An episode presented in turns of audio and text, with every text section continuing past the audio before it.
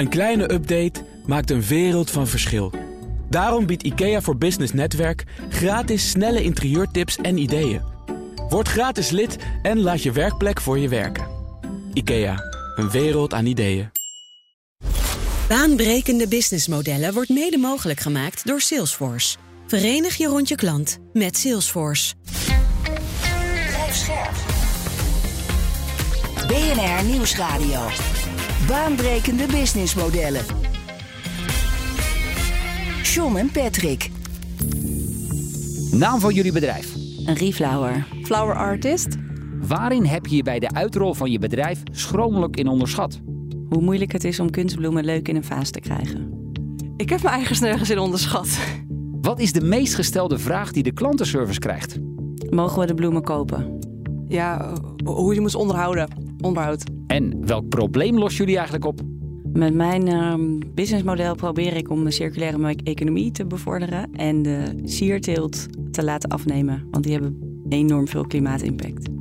Wij lossen eigenlijk het probleem op dat de klanten eh, met meer ruimte en rust eigenlijk kunnen genieten van mooie dingen in een woning. Dus de stress wordt ontnomen en je hebt eigenlijk meer het gemak en het plezier van wel die bloemen dus continu in huis. Over bedrijven die zichzelf opnieuw uitvinden en nieuwkomers die bestaande markten opschudden. Dit is baanbrekende businessmodellen. Met mij, John van Schagen en Patrick van der Pijl. Onze gasten zijn Eline Bierman van Reflower en Sabrina de Bruin van Flower Artist. En de studio is nog nooit zo gezellig geweest, want jullie hebben prachtige boeketten meegenomen. Mag ik daar even mee beginnen? Ja. ja. En Patrick, ik kijk eerst even naar jou. Eén ehm, product, twee businessmodellen. Waarom gaan we het hier vandaag over hebben? Ik vond het goed om weer een aandacht besteden aan duurzame modellen. En um, kwam dit onderwerp voorbij over uh, kunstbloemen. Nou, ik kreeg ook wel online feedback dat ze zeiden... ja, de totstandkoming van uh, kunstbloemen... Nou, waar het er nu om gaat is dat je het circulair uh, kunt aanbieden...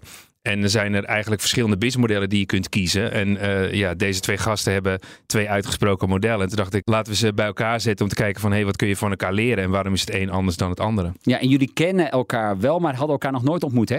Klopt. Ja, nou, dat is dan bij deze ook de eerste keer. Laten we even met jou beginnen, Eline. Uh, jij levert dit soort uh, prachtige boeketten uh, aan de mensen thuis en ook aan bedrijven. En dat heb jij georganiseerd in een abonnement. Wat kun je daarover zeggen?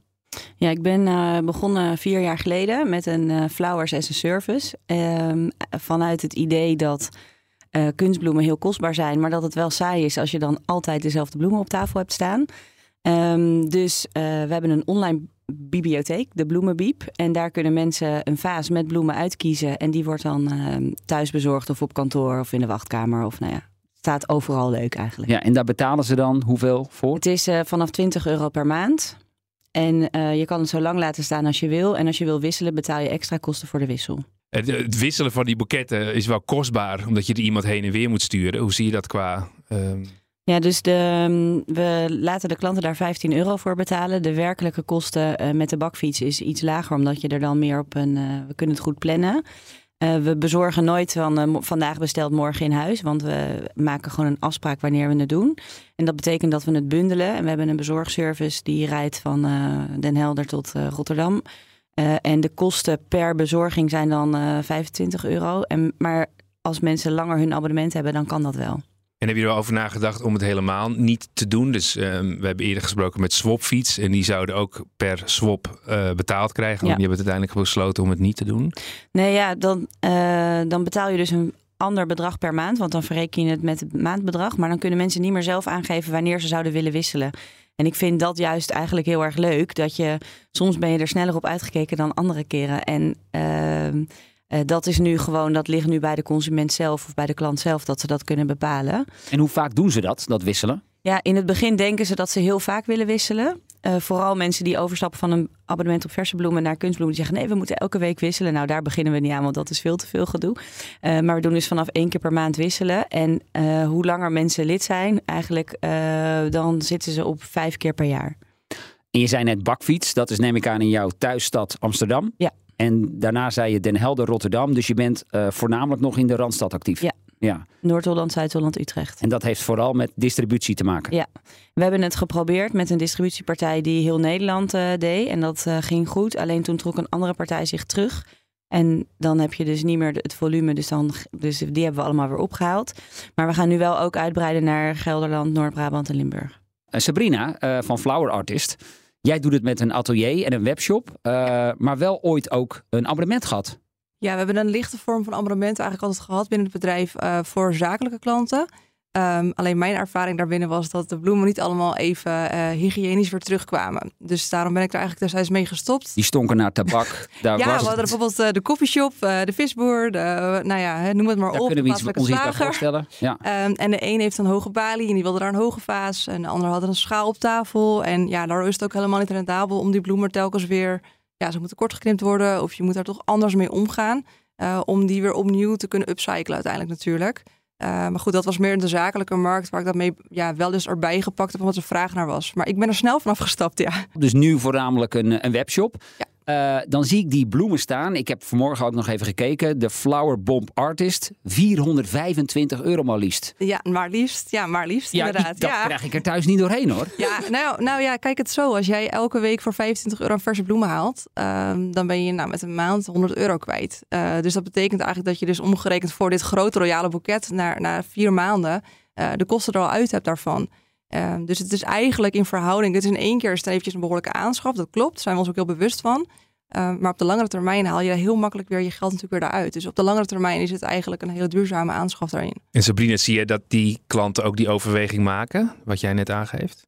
Ja, absoluut. Elke klant die bij ons binnenkomt, die zegt ook gelijk van... dit was eigenlijk eh, ook met mijn man te bespreken, niet eens te overleggen. Of vaak komen de mannen zelf binnen, omdat er toch verwacht wordt... dat ze wekelijks verse bloemen halen. Kijk John, dit is wel een slim model. Zo, zo Ja, werkt het dus. kijk. Gewoon abonnement aanschaffen. Ja. Nee, ja, goed. Dus die komen dan eh, wel binnen van... ja, nee, we snappen dat het kostbaar is. Maar ja, het is gewoon een, een, het is kunst voor in je woning. En ik zeg altijd, je koopt kunst of voor aan de muur. eh, en dan koop je ook van een speciale kunstenaar... waar je, waar, nou ja, waar je het werk mooi van vindt. Maar er hangt ook een prijskaartje aan. Dit is eigenlijk niet hetzelfde. Je koopt natuurlijk ook een mooie bank... en een kwalitatief mooie salontafel. Eh, ja, en dit is gewoon iets van blijvend object voor in je woning. En natuurlijk, eh, ja, ik ben bloemist, aan hart en nieren. Eh, dus mijn... voorkeur gaat er echt wel naar uit dat mijn klanten ook echt wel op de markt bijvoorbeeld, hè, of, of, of bij een lokale bloemist een keer een bosje pioenroos of tulp uit het seizoen gewoon halen. Maar die wegen niet op tegenover de, ja, het grote boeket wat je hebt staan, zoals die Flowerbomb Artist bijvoorbeeld. Ja, want je noemt eh, mensen thuis. Ik kan me voorstellen, dit is ook een markt, Eline, wat heel interessant is voor bedrijven, voor ziekenhuizen, gemeentekantoren en dergelijke.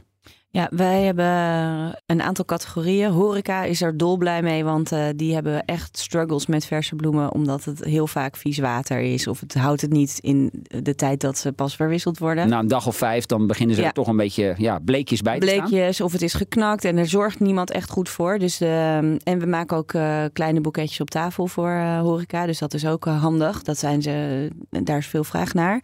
Eh, zorg in, we starten met ehm, het verhuur van kunstbloemen in het ziekenhuis eh, voor de patiënten. Dus dan hoef je ook geen verse bloemen meer. eh, Zo'n vaasje in een ziekenhuis. iedereen weet hoe dat gaat. Ehm, en kantoren, ja, die zijn gewoon heel erg blij ermee. Want dan, er staat altijd iets moois. Als je dan even kijkt naar jullie klantsegmenten, dan, heb ik het, dan zie ik aan de ene kant dus die mensen thuis. Nou, daar had jij het net eh, over, Sabrina. Aan de andere kant dus de bedrijven. Waar zit voor jullie de meeste groei, Sabrina? Ehm, voor, mij zit, ja, voor ons zit eigenlijk in beide partijen wel heel erg te groeien. We hebben, ons bedrijf is echt 50-50 opgebouwd, het zakelijk en particulier. Dus Maar dat dat? is bij ons ook.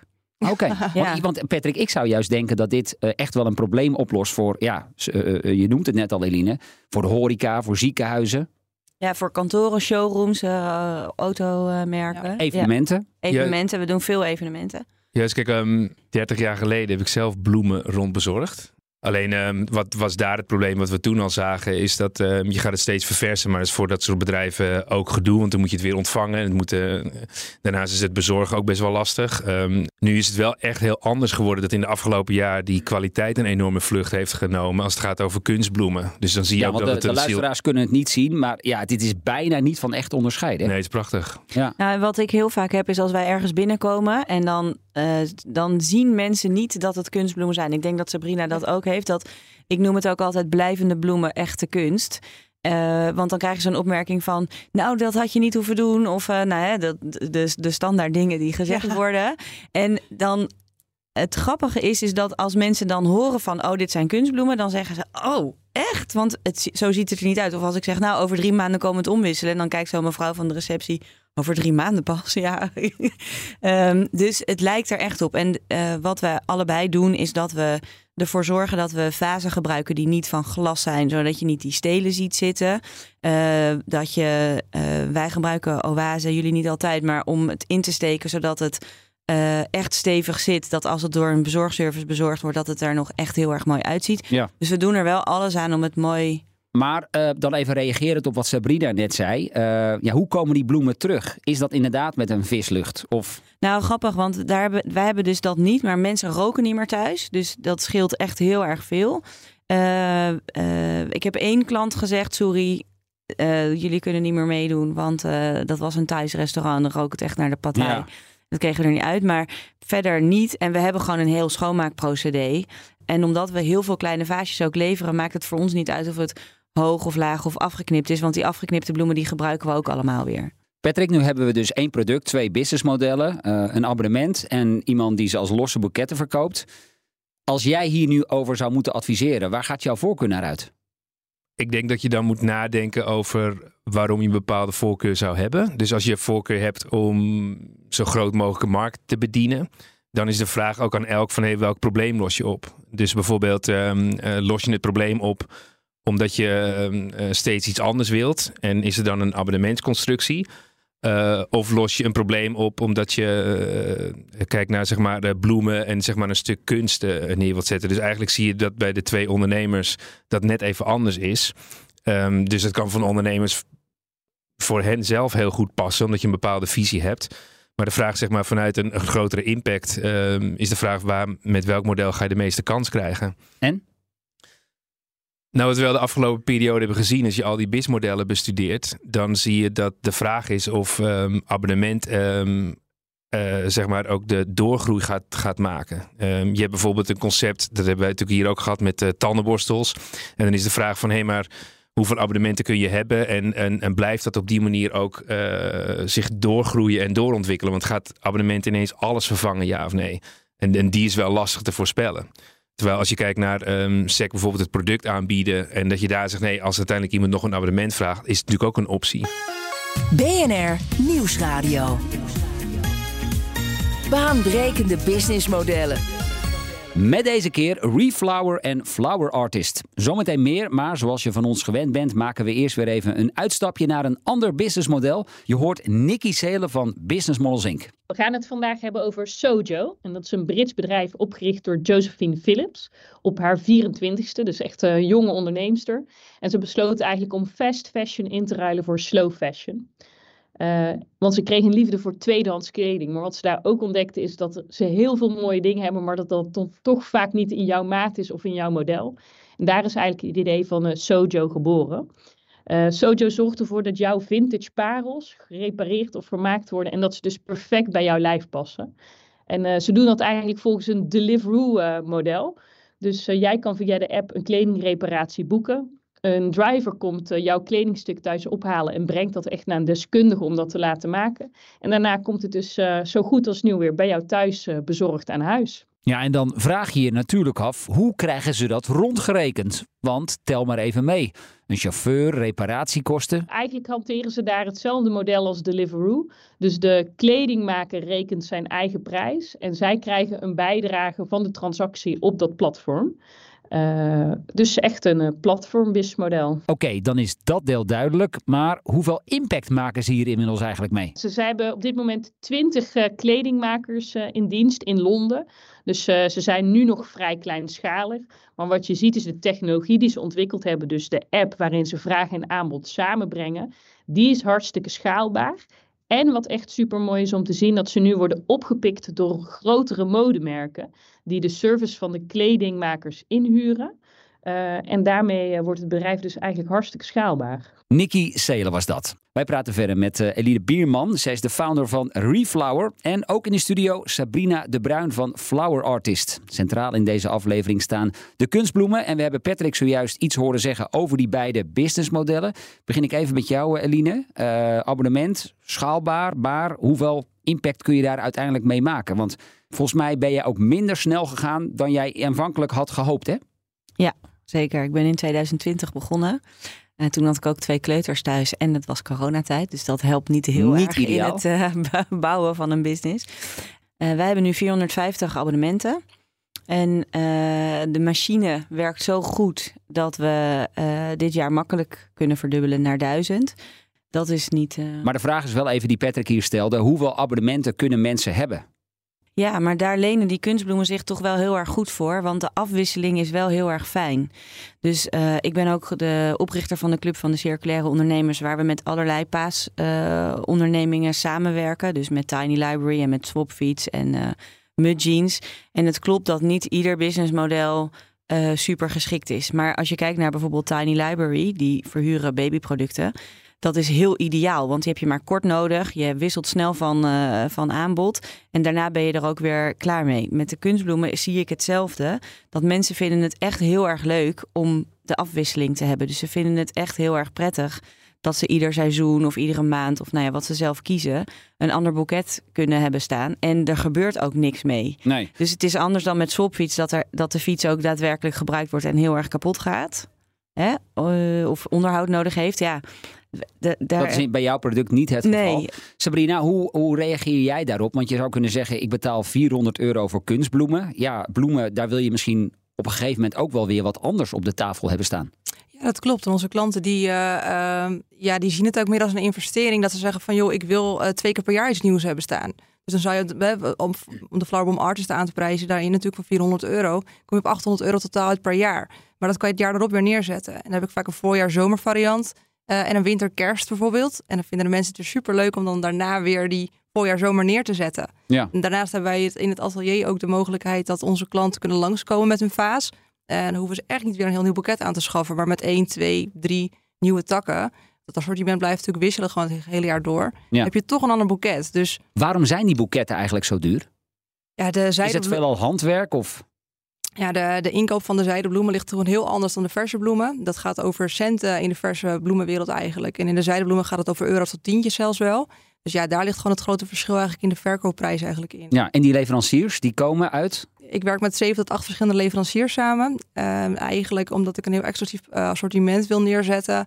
Waarbij we gewoon wel echt kijken van oké, is de kwaliteit goed? Uh, en niet elke leverancier biedt elke bloem in de juiste kwaliteit in mijn beleving aan. Uh, maar de meeste leveranciers komen wel uit Nederland vandaan. En jouw kopers, is dat ook voornamelijk lokaal, regionaal? Of zie je daarin ook wel over de grenzen aanvragen? Ja, wij hebben eigenlijk uh, door heel Nederland klanten, maar steeds meer ook uh, Europa. En ik mag nu ook wel wereldwijd zeggen. Dus uh, de webshop gaat echt wel wereldwijd ook. En die webshop die gaat zo hard omdat jij ook behoorlijk actief bent op de social media. Ja, klopt. Hoeveel ja. volgers op, op Insta? we zijn nu op 32.000 volgers, hebben we de teller nu staan. Wow. Ja. Ja. En um, hoe hou je dat dan ja, bijzonder? Want elke keer iets posten over ja, weer een boeket, dat gaat op een gegeven moment ook wel een beetje vervelen. Ja, ik denk dat Instagram ook een soort van lifestyle is wat je in je bedrijfsvoering echt moet toepassen. Dus het is eigenlijk echt een, het is een taak op zich. Dus je moet het ook echt zien dat de een die, die, die pakt de bestelling in en de ander regelt het Instagram verhaal. Um, en ja, en, hoe en wat kan dan bijvoorbeeld een goed Instagram verhaal zijn? Ja, wij, ik, eigenlijk is dat bij mij zo begonnen dat ik alleen nog was dat ik de mensen gewoon eigenlijk in mijn omgeving meenam een beetje in, in mijn wereld. Dus in, de, in het leven van flower artist. Van joh, wat doe je nou eigenlijk op die veiling? Of wat gebeurt er nou achter de schermen? Um, ja, de bloggers en de vloggers doen het ook natuurlijk heel goed. Ik doe dit al ruim negen jaar eigenlijk op de socials zo. Dus dat is een beetje, daar ben ik erin gegroeid. Dus ja, wat is leuk? Mensen vinden het leuk om te zien wat ze niet kennen uiteindelijk. Dus ja, ja we laten achter de schermen zien van hé, hey, kijk, die pallets komen binnen. Oh, er is weer wat misgegaan. Maar ook, hé, uh, hey, we staan nu bij een toffe huis bij mensen thuis. Wat creëren we in het atelier? Uh, en daarnaast maak je gewoon vaste content, wat gewoon hip en trending van dit moment is. Om natuurlijk ook gewoon, ja, je bent natuurlijk wel een, een trendsetter. En daar moet je ook op de socials, als je daar je gezicht laat zien, moet je daar gewoon in door blijven gaan. In de afgelopen jaren is die business in de bloemenhandel ook helemaal veranderd. Hè? Dus je had in de kleinere dorpen, ook in de hoofdwinkelstraten, waren daar de bloemisten. Um, nu zie je dat die straten eigenlijk een soort um, uh, entertainment of uh, restaurantzaken zijn geworden. En die uh, bloemenzaken gaan dan iets naar de buitenkant van, de, van het stadshart of van het winkelhart. Uh, bijvoorbeeld bij Sabrina is het op een industrieterrein, daar ga je nooit langs rijden. Dus dan heb Nee. je geen vitrine waar je je spulletjes kunt adverteren. Dus dan moet je iets, inderdaad iets op uh, social doen.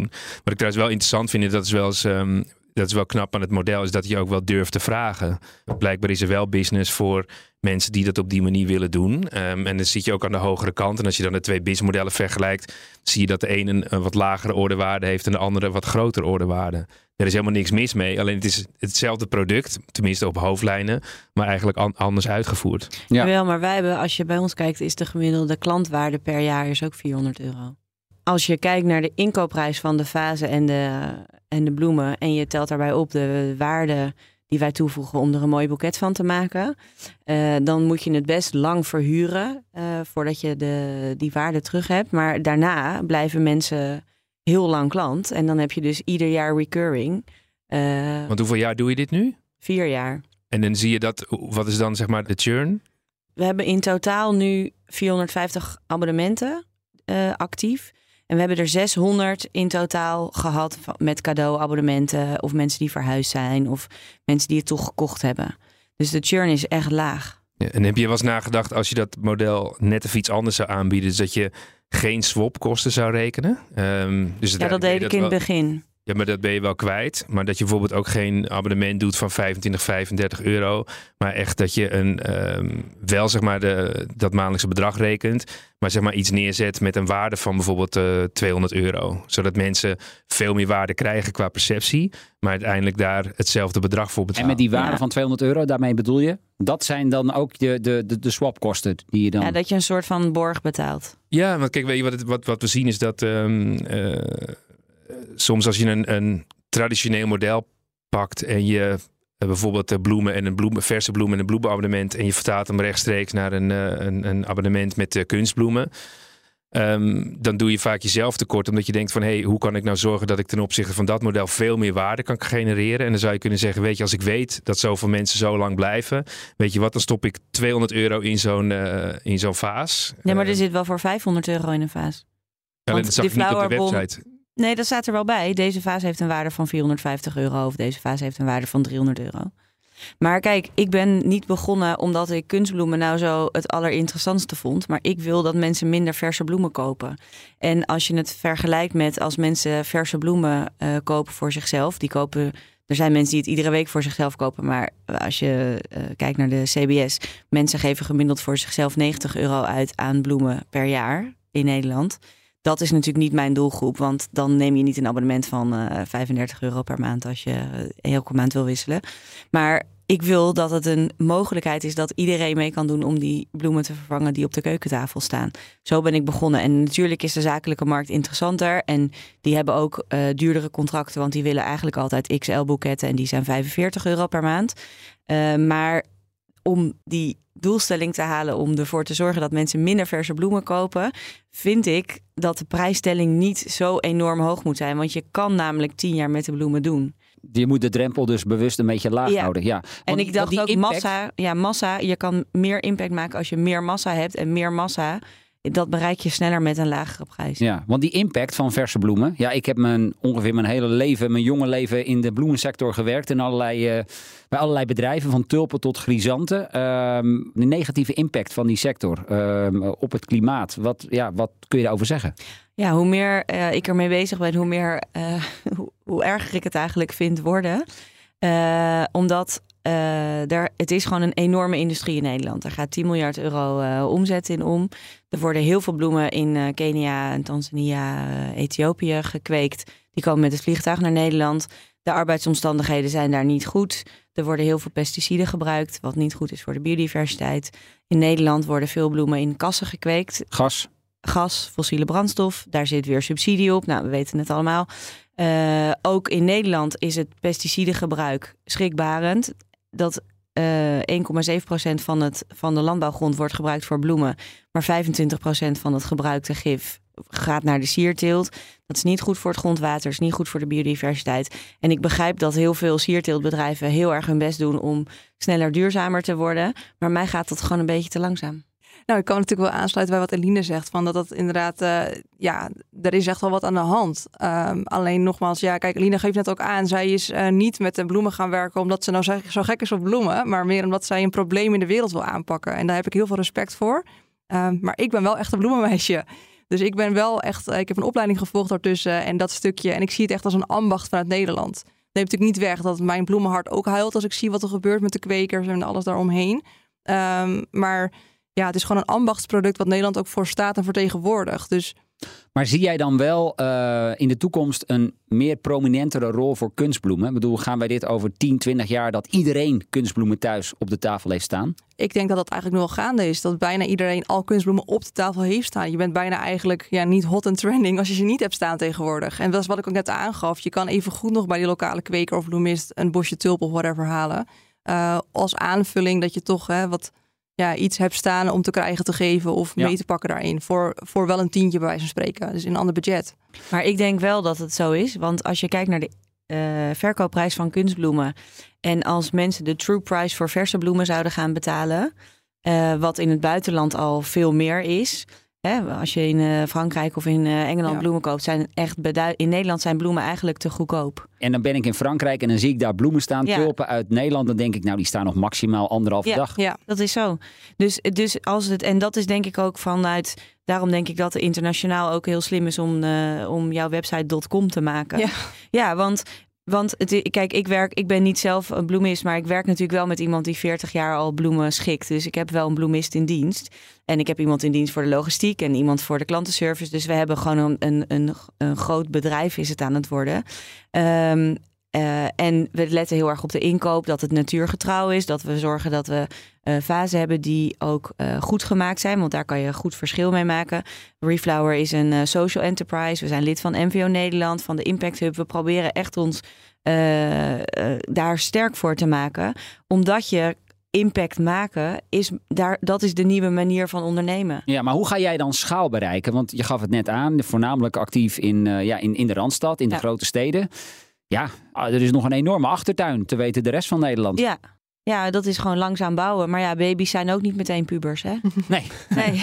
Maar toch iets, iets rechtzetten. hè. Als je kijkt naar de eh, bloemenbusiness zeg maar, vanuit het verleden, dan heb je zeg maar, een landelijke organisatie, was Fleur op. En als je dan zeg maar, vanuit Amsterdam iets liet bezorgen in eh, Alkmaar, dan wist je één ding zeker. De waarde van die bloemen zat niet in jouw Fleur op eh, abonnement. Dat was een soort onderliggende code bij de bloemisten die dat van elkaar wel wisten.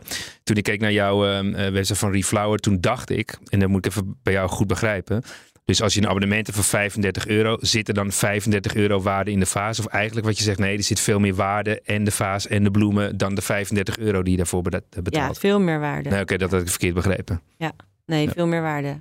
Dat je niet voor 35 euro. Nee, joh, Misschien 35 is twee twee bloemen. Ja. Ja, ja. Ja. Nee, het is echt zo. wat- Die bloemen die je... De, Ja, dus je krijgt veel meer waarde in een abonnement dan wat je normaal gesproken Zeker, zou betalen. ja. Ja. Oh ja, wat, ik, wat ook echt interessant is, is dat ehm, de, me- bij mensen thuis, net als wat Sabrina ook doet, het is echt moeilijk om kunstbloemen heel goed in een boeket te krijgen. Dus het is, de, de kun, het is echt een kunst. De toegevoegde waarde is ook dat het er heel mooi uitziet als je het bezorgd krijgt. En als je gewoon zelf bij, de, bij het tuincentrum kunstbloemen gaat kopen, dat kan je ook doen. Succes. Ja, en dat is echt heel moeilijk. Dat wordt eigenlijk, als, als je bij mensen bent die dat hebben gedaan, denk ik altijd, ja, het ziet er gewoon echt niet uit. Nee. En dit ziet er echt top uit. En ja, daar, daar zit een prijskaartje aan. Ja. En Sabrina, een bruggetje naar de, wat er niet uitziet. Hè. Als, wat me opvalt in het buitenland, er kan niemand echt bloemschikken. Dat is ongelooflijk. Ik heb nog nooit zulke lelijke dingen gezien. Hoe kan het dat in Nederland toch een soort ehm, vaardigheid is? Of dat het er anders uitziet? Of, eh, Ja, wat ik net al zei, Nederland is bloemenland. Eh, en niet voor niets dat wij hier in Aalsmeer eigenlijk de grootste export natuurlijk hebben. Ook eh, ter wereld geloof ik zelfs wel ondertussen nu. Ehm, dus er zitten hier gewoon, ja, wij zijn opgevoed. We zijn natuurlijk de, de, vanuit het boerenland leven natuurlijk eigenlijk. Hè. De, de tulpenbollen, we kennen ze allemaal wel. De, de, de velden langs de snelwegen, vol met al die mooie kleurtjes. Dus ik denk dat daar, en, eh, en er wordt ook bij ons hier in Nederland, worden er opleidingen voor. Groenscholen hebben we. Hè, dat, dat valt eigenlijk onder veehouderij, eh groenteelt, sierteelt. Ja, daar zit ook een stukje bloem, bloemschikken zit daar eigenlijk achter. Ja. En eh, nou zie je bijvoorbeeld wel in Aziatische landen dat ze daar ook helemaal fan van zijn en mee bezig zijn. Dus er zijn zeker wel ook echt kunstenaars wereldwijd hoor. Ook in Amerika echt ja, heel veel respect voor. Ja. Maar Nederland is wel echt een, eh, een voorloper. Maar- ja. En dat zie je wel ook in de kunstbloemenleveranciers. Die komen ook, de, de echte goeie, komen de wereldwijd bekende, komen uit Nederland. Want omdat we zo erg bezig zijn met veredeling van bloemen, met eh, ervoor zorgen dat de soorten mooier worden, dat eh, de, het oog voor bloemen ja, zij, de collecties die zij samenstellen, die, die worden in Nederland gemaakt. Dus Nederland is ook het beste kunstbloemenland, om het zo maar te zeggen. Ook al produceren we niet zelf. En John, wat we nu zien is dat er dus ehm, een duurzaam product is. Dus eigenlijk die kunstbloemen, dat is duurzaam. Alleen de manier waarop je het in een abonnement aanbiedt, dan maak je het nog duurzamer, omdat jij eh, zelf de eigenaar blijkt van de spullen. Dan heb ik een vraag voor jullie allebei. Um, is het voor jou denkbaar, uh, Eline, dat je uiteindelijk ook bloemen verkoopt rechtstreeks? Uh, of blijf jij altijd bij een abonnement omdat dat het beste dient in de ambitie die jij, uh, die jij hebt? Ja, ik wil echt 100% circulair zijn. Dus iemand komt bij jou, ik wil gewoon even bloemen kopen. Dus ik zeg nou... altijd, Reflower is zero waste, 100% circulair en we zijn CO2-neutraal. Maar het is wel zo dat als ik de bloemen verkoop, mensen ook geen verse bloemen kopen. Dus dat dient ook het doel. Um, maar als je op, ik ben nu op zoek naar een investeringsmaatschappij waar ik mee samen wil werken. Die worden zenuwachtig van twee businessmodellen. Ja. Die willen liever investeren in één businessmodel. Dus, uh, en als ik dan moet kiezen welk businessmodel, dan kies ik 100% voor het recurring businessmodel. Omdat je gewoon, als je groeit en je weet dat je duizend klanten hebt of je groeit naar 10.000 klanten, wat ook makkelijk moet kunnen, dan weet je gewoon dat je bedrijf over vijf jaar uh, eh, 40 miljoen waard is. Ja, Sabrine, je voelt ja. hem aankomen. Hoe zie jij dat? Uh, je, zeg maar, je verkoop en zeg maar, abonnement, zie jij daar een mix of zie je... Nou, ik ben, we zijn momenteel achter de schermen wel bezig met een concept verhuur, maar dat is eigenlijk een hele andere branche. Dus, uh, nou ja, dus daar zeker natuurlijk kijk je daar wel naar van, joh, wat kan je nog voor extra tak binnen het bedrijf toevoegen? Maar dat moet wel zeg maar gewoon binnen mijn richtlijnen zijn. Wij zijn wel heel erg namens Flower Artist van ja, wij voeden onze klanten op. En Elina de, de, de idee zet zeg maar van haar bedrijf is heel anders. Die kijkt heel erg naar wat is het doel, wat wil ik aangrijpen. Uh, bij ons is het meer vanuit passie en wij creëren iets, met, we groeien ergens in mee. En je hebt natuurlijk wel een, een doelstelling daarbinnen van ja, waar wil je naartoe, wil je naartoe groeien? Maar nee, want ons doel ligt meer internationaal, echt land, wereldwijd, sorry. Uh, en dat ligt dan toch sneller in een verkoop. Want ja, een zuidenboeket kan je ook versturen naar een Amerika, Mexico, Australië of whatever. Ja, nu begrijp ik hem ook. Want er staat op jouw website uh, wereldwijde ambitie om de nummer 1 te worden. Toen dacht ik zo. nou ja, goed. Aim high natuurlijk. Dus dat is zo. Ja, dat is een groot denken toch altijd. Ja. Eline, jij geeft aan, jij bent uh, bezig met het uh, zoeken van investeerders. Ehm, nou, wellicht Sabrina, zou dat voor jou ook een groeispurt kunnen betekenen? Stel dat jullie vandaag, ehm, nou, alsjeblieft, allebei een half miljoen. Hoe gaan jullie dat geld besteden? Nou, dat is heel erg uh, makkelijk antwoord. uh, want uh, een derde gaat naar het inkopen van meer bloemen om meer klanten te kunnen bedienen. Ja, dus assortiment uitbreiden. Assortiment uitbreiden. Ja, want dat is wel ook nog even iets. Die, die, bloemen blijven allemaal op de balans staan. Ja, ja. En, en die inkoop die is ja, behoorlijk. Dus dat is wel even een, een kostendingetje. Ja, dat is ook, en dat is ook moeilijk van een product as a service bedrijf. Dat is een, een bottleneck. En daar zijn de kopgroep uh, Circulair Financieren. Er zijn allemaal partijen mee bezig. InvestNL, Rabobank, eh, ABN. Iedereen wil weten hoe ze die product as a service bedrijven beter kunnen financieren. Omdat ja, uh, die, die bloemen staan bij iemand. En dat is natuurlijk een uh, liability waar niet iedereen zich aan wil branden. Nee, dus het is dus ook assortiment uitbreiden. Ja, maar het is moeilijk om financiering te vinden. Op, uh, nog. Maar dat gaat denk ik wel veranderen. Want we moeten een circulaire economie ja. hebben in 2050. dus assortimentuitbreiding. Logistiek meteen landelijk zou ik doen. Um, en um, kijken hoe ik meer e-commerce platformen groter kan maken door slimmere dingen te doen online goede mensen daarvoor goeie aannemen. Mensen. Ik heb op LinkedIn heel veel volgers en heel veel uh, bereik. Ja, 8000 hè? 8000. Want we hadden het net over Instagram, maar jij, jij mikt vooral op LinkedIn. Ja, ik mik op LinkedIn, want dat zijn, uh, want ik vind het heel interessant. Uh, ook om te laten zien, mijn, mijn, doelstelling is transparantie, het goede doen, een goed voorbeeld geven. Uh, en dat wel op een vrolijke manier doen. Nou is het natuurlijk niet altijd heel vrolijk om de sierteelt aan te pakken en dan een alternatief ervoor neer te. Dus dat is een, een moeilijke balans. Maar ik wil wel heel graag laten zien vrouwelijk ondernemerschap, uh, circulaire economie. En dat spreekt mensen heel erg aan. En, maar ik krijg nog steeds, ik heb laatst moest ik een presentatie geven, vroeg een man, heeft je, jouw man al die kunstbloemen voor jou gekocht? Nou, en er zaten 50 accountants in de zaal. En iedereen zei, en er was een andere vrouw die zei. Toen viel het even uh, stil. Ja, maar er zitten nogal wat aannames in jouw vraag. Maar ik wist ja. echt ook niet wat ik moest zeggen. Ik zei, ja, maar ik, ik vertel net dat we 300.000 euro omzet hebben gedaan. En dat we voor 4 ton aan kunstbloem hebben. Ik heb echt wel een lieve man, maar niet eentje die voor 4 ton aan kunstbloem. Nee, nee helder. Als je dan ook kunt afreageren, je slaapt met een uh, kunstbloem. Dat komt wel harder aan dan gewoon echt ja. bloemen. Dus dat is wel nee, maar snap, snap je? En, en da, die vooroordelen, die wil ik ook graag wegnemen Ik wil laten zien dat het leuk is voor vrouwen om te ondernemen. Ik wil laten zien dat circulaire businessmodellen werken. Ik wil laten zien dat dat een pad is. Dat je nooit al de grondstoffen weer weg hoeft te gooien. Dat je het opnieuw kan gebruiken. Dus dat is, een, ja, dat is meer mijn passie om te laten zien. En dan hier alsjeblieft voor jou Sabrina, een half miljoen. Hoppa. Ja, dat voelt goed hè? Ja, lekker. Nee, ik zou uh, om te beginnen, we hebben met een nieuwe website nog gelanceerd, inderdaad de flowerartist.com. Uh, en daar zou ik zeker daar een investering in doen om dat nog meer bekendheid te geven eigenlijk gewoon wereldwijd. Dus uh, daar zou ik zeker wat mee doen. En daarnaast hiervoor in Nederland zou ik ons atelier heel graag een nieuwe plek willen geven uh, en meer ruimte. En daardoor ook eens meer investeren in het aankleden van. Ja. ja. Is er eigenlijk wereldwijd uh, veel concurrentie op deze markt tot slot? Nee. Nee, dus ze zijn er wel, maar ik ook nogmaals niet die Nederlandse bloemisten. Dat zie ik tenminste zelf wel erg. Als we nu nog niet de interesse van potentiële investeerders hebben gewekt, dan weet ja, ik het ook niet meer. Kom maar door, ja. Heel goed. Eline Bierman van uh, Reflower en Sabrine de Bruin dus van Flower Artist. Dankjewel voor dit gesprek. En uh, nou, wellicht melden die investeerders zich na deze aflevering spontaan bij jullie. Uh, Patrick en ik zijn er volgende week weer. Wil je voor die tijd meer luisteren? Check dan zeker ook onze andere afleveringen. Die vind je op vrijwel alle bekende podcastkanalen. Tot volgende week. Baanbrekende businessmodellen wordt mede mogelijk gemaakt door Salesforce. Verenig je rond je klant met Salesforce. Als ondernemer hoef je niet te besparen op je werkplek. Want IKEA voor Business Netwerk biedt korting op verschillende IKEA-producten. Word gratis lid en laat je werkplek voor je werken. IKEA, een wereld aan ideeën.